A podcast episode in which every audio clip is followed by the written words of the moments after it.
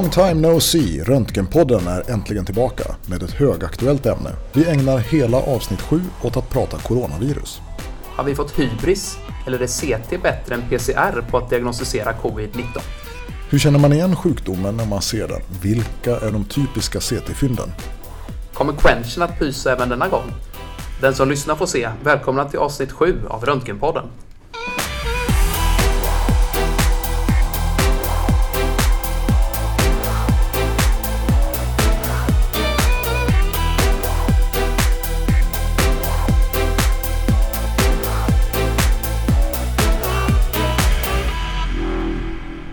Välkommen hem Jörgen. Åh, tack Per. Vad, vad kul att se dig. Du, du fick ingen hjärtlig välkommen hem-kram utan det blev en, en armbågshälsning. Men du känner dig välkomnad ändå? Ja, det gör jag verkligen. Det, man får ju anpassa sig efter tiderna, eller hur? Ja, och vi kommer komma in mer på det senare i den här podden. Det är svårt att undvika coronaviruset. Ja, verkligen. Det är någonting som eh, verkligen är på tapeten just nu. Mm.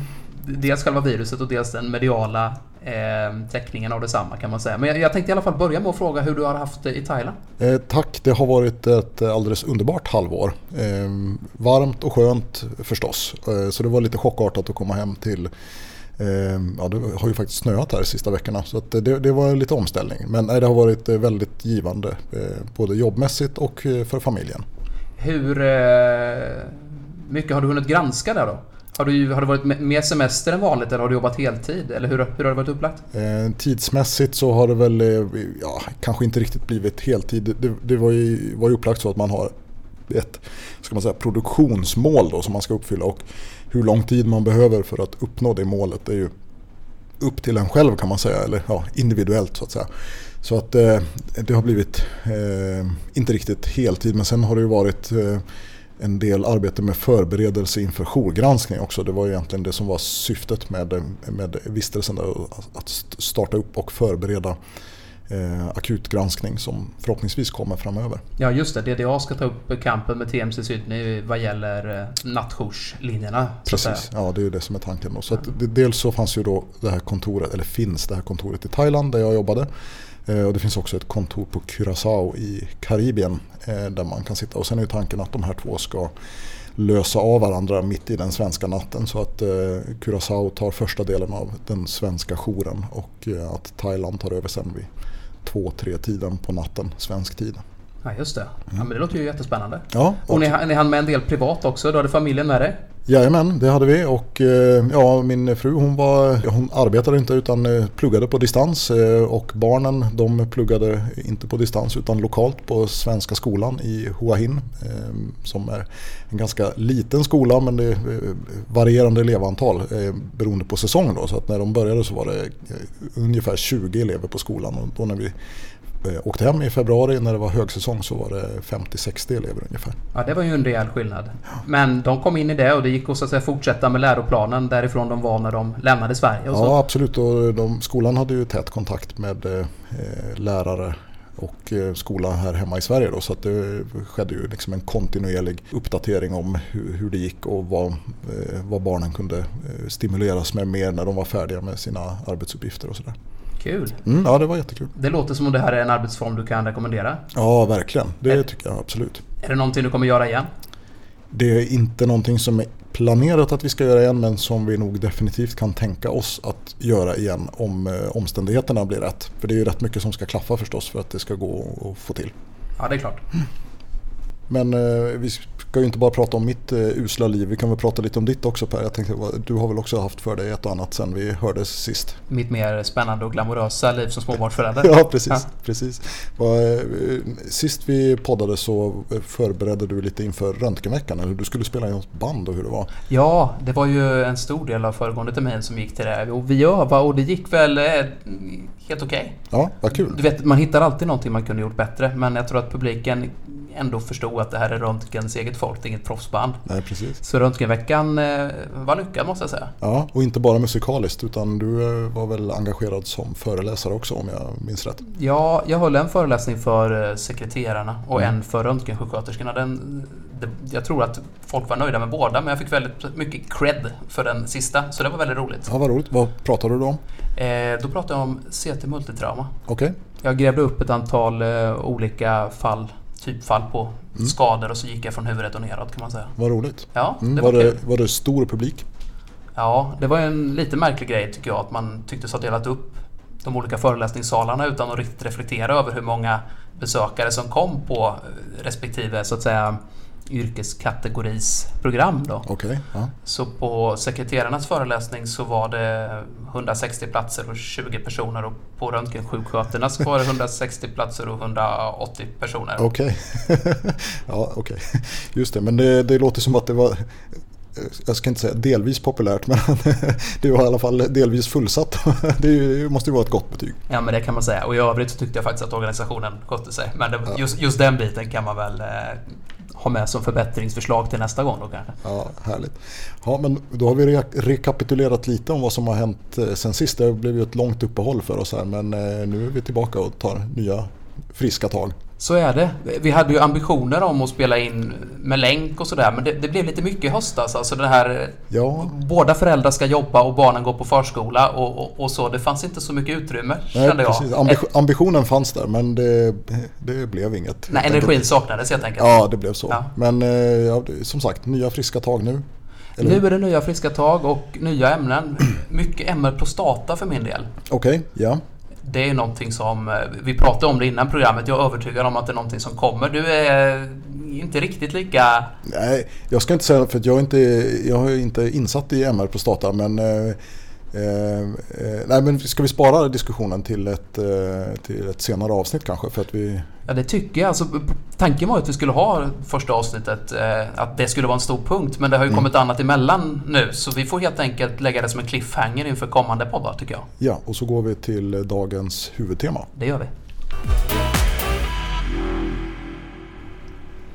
Ni kom hem från Thailand för tre veckor sedan. Ja, lite drygt. Och då kände du att kusten var klar vad gäller nya smittsamma virus ifrån Kina? Ja, vi trodde, alltså det var ju en väldigt stor grej faktiskt när vi var där. För då, då i februari, januari, februari sådär, då pågick ju det här stora utbrottet i Wuhan i Kina som ju ligger förhållandevis nära. Och det var, skrevs mycket om det och det var ju fall i Thailand. Eh, bland annat ett fall i Hua Hin då, där vi bodde. Ja, jag kommer ihåg att jag skrev och frågade om ni hade munskydd när ni var ute och handlade och allting sånt. Det var lite den situation som det är i Sverige nu. Ja, precis. Eh, det är inte så att man ser så många med munskydd här i Sverige. Eller inte, inte i lilla Eksjö i alla fall. Jag vet inte hur det är i, i resten av landet. Men, eh, och sen eh, var det lite svårt i Asien för där gick ju folk med munskydd även innan Corona kom på tapeten. Så det är ju lite av en kulturell grej kan man säga. Men det var absolut en, en, en stor sak som pågick då när vi var i Thailand. Ehm, och eh, turismen gick ner jättemycket och sådär. Ehm, om man drar det här genom något kulturellt filter kanske man kan översätta eh, graden av munskydd i Asien till graden av aktivitet på sociala medier i, i Sverige?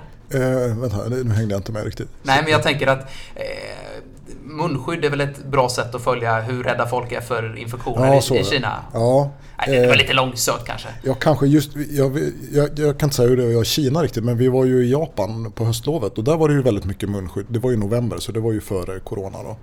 Ehm, och i Thailand var det inte så mycket, men man såg det ibland. Och sen efter att corona eh, började komma så var det definitivt fler. Men det var nog, man fick ändå intryck av att det mest var turister och så som gick med munskydd faktiskt. Thailändarna själva kanske inte hade det så jättemycket. Men hur som helst, så, det, det, var en stor grej då och sen så när vi skulle flyga hem så hade vi ju bokat så att vi skulle flyga via Hongkong. Och det kändes ju lite sådär halvskakigt. Ehm, och eh, i och med att eh, vi, hade, vi kunde ju jämföra för när vi flög till Japan i november då var det också via Hongkong. Det var jättestor skillnad på flygplatsen eh, mellan november och februari. Så det, var, det har ju liksom medfört en jättestor eh, nedgång i flygtrafiken. Det kunde man se redan då. Men när vi kom hem då, då, tänkte, då kändes det lite grann som att ja, vad skönt, nu har vi klarat det här. Men eh, det visade sig att vi kom lite ur askan i elden. För nu är det ju eh, faktiskt mycket värre situation här i Sverige nu smittspridningsmässigt än vad det var i Thailand då. I den mån det går att jämföra siffrorna i alla fall. Jo, tyvärr får vi säga är det ju så.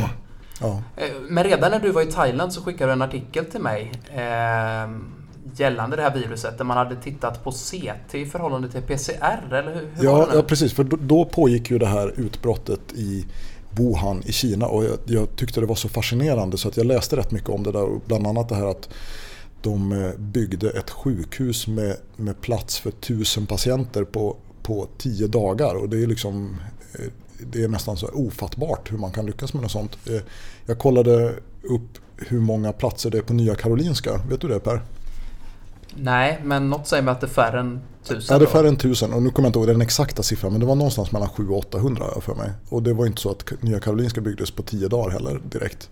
Eh, utan eh, det, det, tog lite längre tid än så. Så att, eh, det, det, säger något om Sen, klart, det där sjukhuset som de smällde upp det var väl det var kanske Nya Karolinska standard på vissa byggnadsdetaljer på det sjukhuset om man säger så. så det, det, det, var väl så att man rundade lite hörn säkert i processen. Men, men ändå, det var eh, liksom en enorm insats som gjordes där i Kina. Så, Eh, det pågick då när vi var där så jag läste eh, en hel del om det och bland annat så hittade jag då en artikel som jag tyckte var jätteintressant som jämförde eh, CT, alltså den diagnostiska säkerheten på CT med PCR för coronapatienter.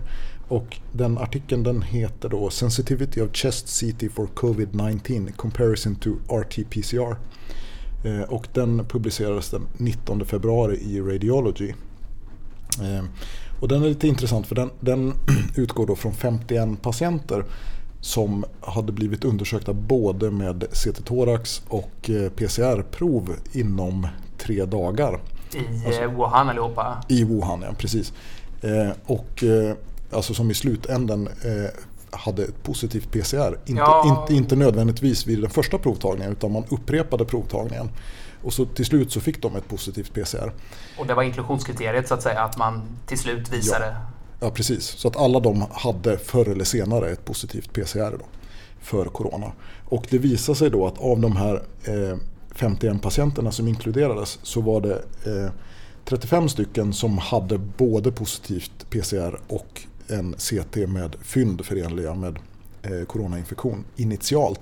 Men det var 15 av 51 patienter som hade negativ PCR men positiva fynd på CT vid den initiala provtagningen, alltså PCR-provtagningen. Och de patienterna fick alltså sedermera ett positivt PCR-prov.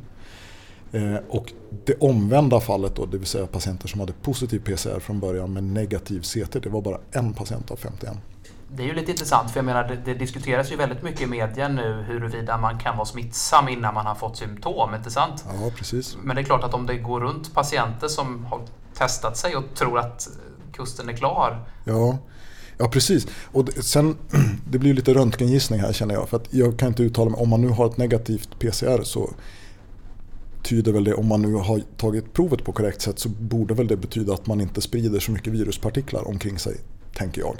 Så att man är väl kanske inte så smittsam just vid provtillfället men det är klart att om man då går hem och tänker att kusten är klar och så eh, fortsätter man att bete sig som man, som man gör till vardags då är det klart att risken rimligen ökar att man kanske några dagar senare blir smittsam för omgivningen. Men i alla fall, eh, de här siffrorna de, de är ju intressanta så tillvida att eh, i den situationen som rådde där i Wuhan med otroligt inflöde av patienter eh, så Eh, var PCR lite av en flaskhals. Eh, och man använde alltså CT då för att screena patienterna och försöka och liksom fånga upp eh, sådana som man trodde kunde ha corona. Ja, men det är viktigt att du går in på det också. Alltså man får ju vara medveten om att eh, så att säga, en patient som hostade och hade hög feber i Wuhan vid den aktuella tidpunkten hade en ganska hög sannolikhet från början att ha ja. covid-19 så att säga. Ja men precis, alltså pre-test probability var ju rätt, rätt så hög. Men å andra sidan så är det ju faktiskt en sån situation som kanske kan uppstå eh, på ett sjukhus nära dig inom inte allt för lång tid. Och där PCR-provtagning kanske blir en eh, begränsad resurs medan CT-maskinerna är lättare att komma till. Det kan faktiskt bli så. Jag hoppas du har fel. Ja, det förstår jag att du gör. det förstår jag att du gör. Men jag ser en annan eh, potentiell användning för det här också. Och det är ju om man nu tänker sig att vi inte har kapacitet att testa alla som har symptom. Ja. Eller att en och annan slinker förbi nätet. Då kan ju faktiskt radiologen vara den som väcker misstanke om den här sjukdomen även om man inte kan bekräfta diagnosen så att säga. Ja, Precis, eh, ja absolut. Just nu känns det ju som att alla är väldigt mycket på tårna i och för sig för Corona. Så att, eh, att radiologen skulle vara den som tänker tanken eh, i högre grad än kliniken vet jag inte riktigt. Men absolut, det, så kan det ju vara. Helt klart. Den här, den här studien då, det var ju en väldigt begränsad population. Det var ju bara 51 patienter då som blev inkluderade. Men den har, den har ju sen följts upp med en annan studie. Nu ska vi se, jag ska ta fram den på datorn här. Eh, ska se om jag kan hitta den. Den heter då Correlation of Chest CT and RT-PCR testing in coronavirus disease 2019 in China. A report of 1014 cases. Så det är alltså 1014 patienter totalt som är inkluderade. Var upplägget detsamma annars då? Ehm, ja, eh, det var det. Eh, ska vi se, jag har inte riktigt hunnit läsa den i detalj faktiskt. Men eh, det var i alla fall, det inkluderade patienter som Eh, undersöktes med både CT och PCR. Det var då totalt eh, 1014 patienter. Här var det maximala tidsintervallet mellan CT-undersökningen och PCR-provet eh, sju dagar. I den första studien så var det tre dagar, så det var en liten skillnad. Men siffrorna verkar ju ganska likartade. Av de här 1014 patienterna så var det 580 som hade såväl positivt PCR som positiv CT. Det var 308 patienter som hade en initialt negativ PCR men positiv CT. Det är ju faktiskt en ganska stor andel, 30% av patienterna, eh, som visar sig ha corona men som inte har en positiv PCR från början. Men det är det jag vidhåller, att man skulle kunna låta den radiologiska vad ska jag säga, bilden påverka handläggningen. För tänk dig att du har mm. en patient som ska läggas in antingen på någon form av isoleringsrum eller på en lungavdelning. Ja. Ja. Och så går du helt och hållet på PCR utan att veta att det kan vara falskt negativt ett tag. Mm. Och så kommer du in på sjukhuset mm. och ska vara friad. Då kan man ju kanske ompröva det rent av då? Ja, det borde ju, rimligen så borde det ju vara så. Då. Sen är det klart att man vill ju inte, eh, om, om det är så att CT, hur ska vi säga så att säga rätt, om CT missar fler eh, än PCR så är det ju ett, eh, så är det ju ett klart dåligt test. Eh, men enligt den här studien då med 1014 patienter så var det bara 21 patienter som hade positiv PCR från början men negativ CT. Eh, så det verkar ju inte som att man tappar sådär jättemånga om man skulle gå på CT eh, ändå. Nej, så kan man ju tänka också. Och så funderar jag på, det är klart å andra sidan då att eh, i en annan population än en stad där epidemin har brutit Precis. ut. Det är väl det som är nyckeln till det hela för att även den här eh, ska vi se, Ja, den här studien var också utförd i Wuhan då, så det är klart att eh, om man skulle göra motsvarande studie Eh, i, inte vet jag, i eh, Argentina eller något land som kanske inte har så många fall just nu så skulle ju siffrorna bli helt annorlunda naturligtvis. Eh, men i Wuhan då, om du har en patient som hostar och har feber och du hittar de här fynden på, på CT så är det ganska stor sannolikhet för att det är just corona då, som den patienten har. Precis, men det är väl lite det här som kanske bidrar till smittspridningen också, att man inte kan vara vara säker. Ja, ja, garanterat så är det så. Och, eh, jag vet inte hur mycket, du som jobbar på sjukhus, hur väl insatt är du i hur provtagningsrutinerna är? det så att man blir liksom frisläppt om man har eh, ett negativt eh, coronatest eller Eh, görs det upprepade provtagningar? Eller? Det vågar jag faktiskt inte svara på. Nej. Och jag tror heller inte att det finns någon gemensam linje. Det finns säkert ett PM på alla landets infektionskliniker som säkert följs där. Men de här mm. patienterna kan ju dyka upp var som helst. Jag tror inte man är så pass stringent och likriktad över hela landet att det finns Nej.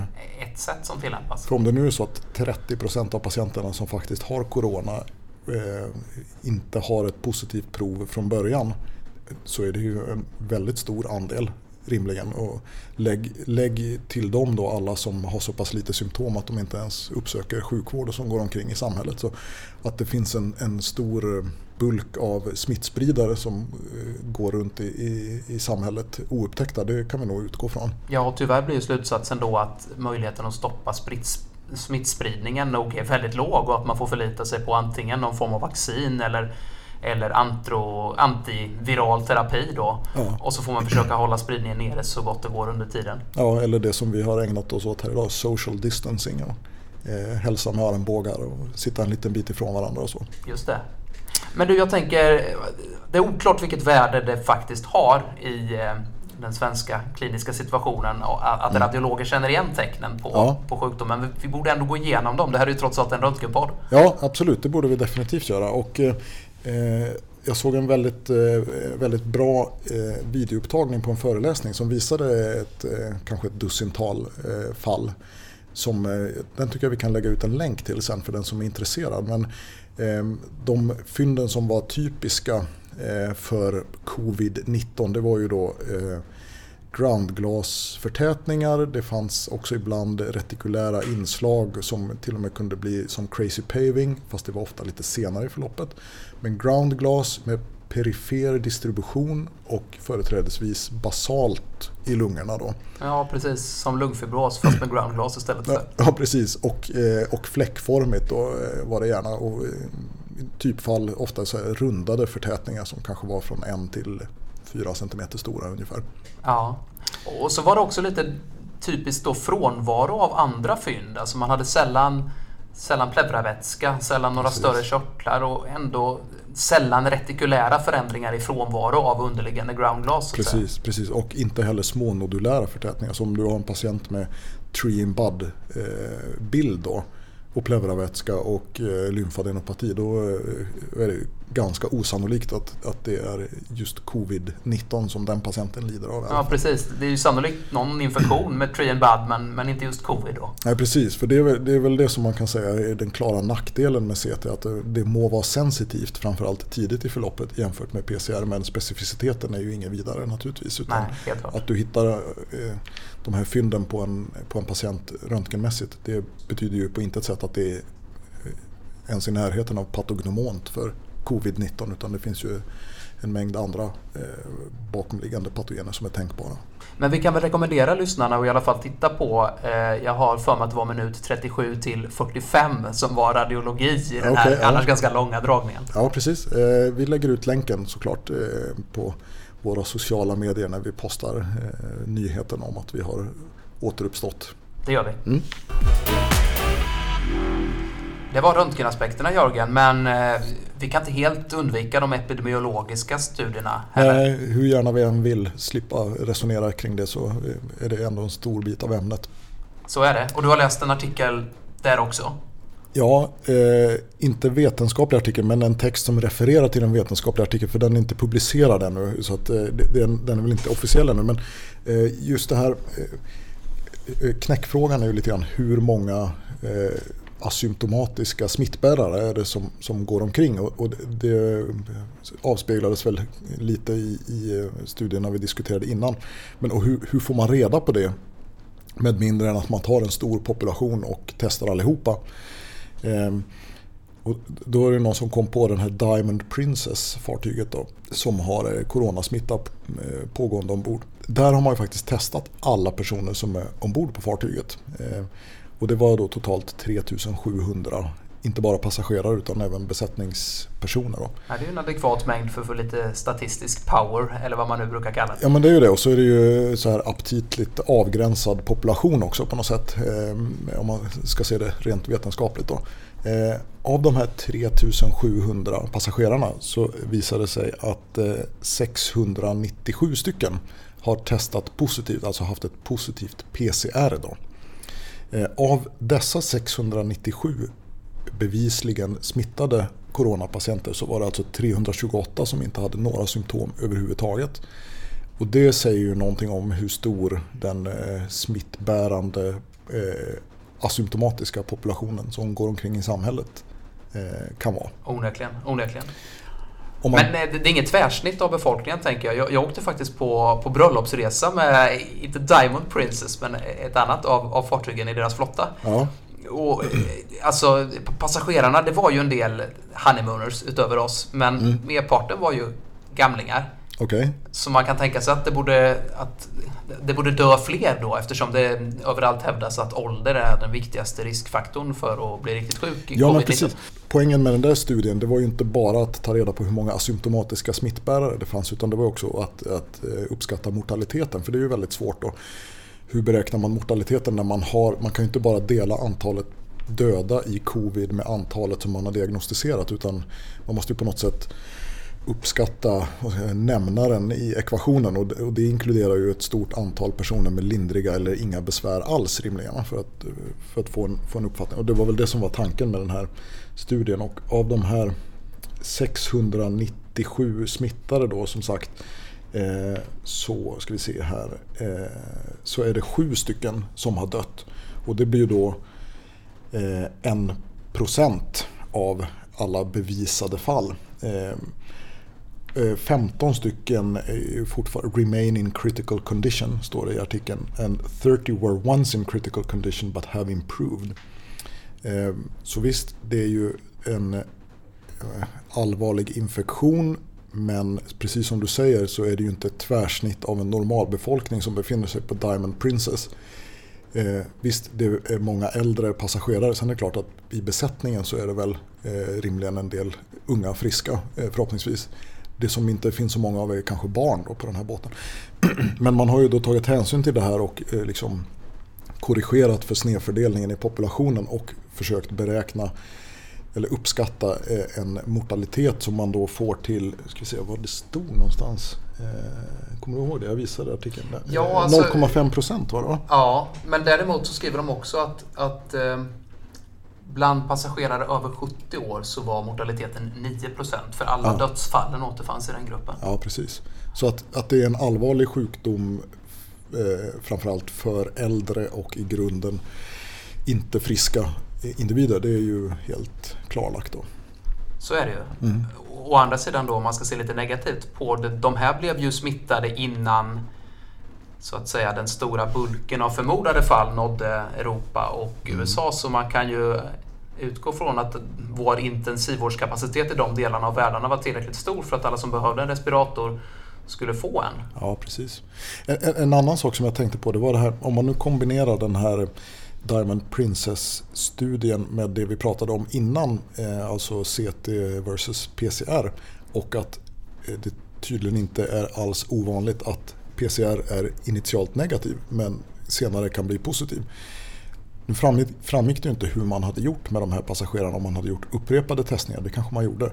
Men om man då hade 3700 passagerare varav 690 någonting hade positivt PCR så är det inte alls otänkbart att du har ytterligare ett antal hundra som egentligen har covid-19 men där PCR inte ger utslag. Ehm, så att, eh, ja, det, det blir väldigt komplext där när man ska försöka reda ut siffrorna. Först så tänker man att det är bara att dela den, den siffran med den men det, det är rätt många felkällor att ta hänsyn till. Alltså. Ja, det känns inte som att det finns något något sätt vi, med, med, med, alltså med de um, metoder vi har tillgängliga för diagnostisering idag, att vi kan komma på någon sorts algoritm som säkert pekar ut vilka som måste hålla sig inne och vilka som gott kan gå till jobbet. Nej, nej verkligen inte. Och, eh, eh och det kompliceras ju ytterligare av, alltså, om man ska uppmana alla som har lite snuva, lite halsont i mitten av mars i Sverige att stanna hemma så liksom, det positiva prediktiva värdet på de symptomen under de förutsättningarna eh, är rimligen inte sådär jättehögt. Då. Nej, det får nästan bli den, det får nästan bli den sammantagna slutsatsen av alla de här tre studierna att det är väldigt svårt att säga vem som har den här sjukdomen och vem som inte har den. Ja, och så kanske vi får avsluta med det vi brukar, nämligen att mer forskning behövs. Helt klart. Ja. Eh, nu har vi pratat om eh, Corona här ett bra tag. Det kanske börjar bli dags att runda av och eh, vi har ju haft som tradition i tidigare avsnitt att vi brukar quencha. Vad säger du om det Per? Ja, det förpliktigar lite. Fast jag vet inte, sitter du och trycker på någon du vill quencha just nu i coronans spår eller hur är det egentligen? Nej, ärligt talat inte. Jag tycker att det har quenchats ganska friskt i coronans spår av andra än oss. Eller ja, vad säger du? Det vore ingenting unikt att gå och, och klaga på eh, Myndigheten för samhällsskydd och beredskap eller folkhälso...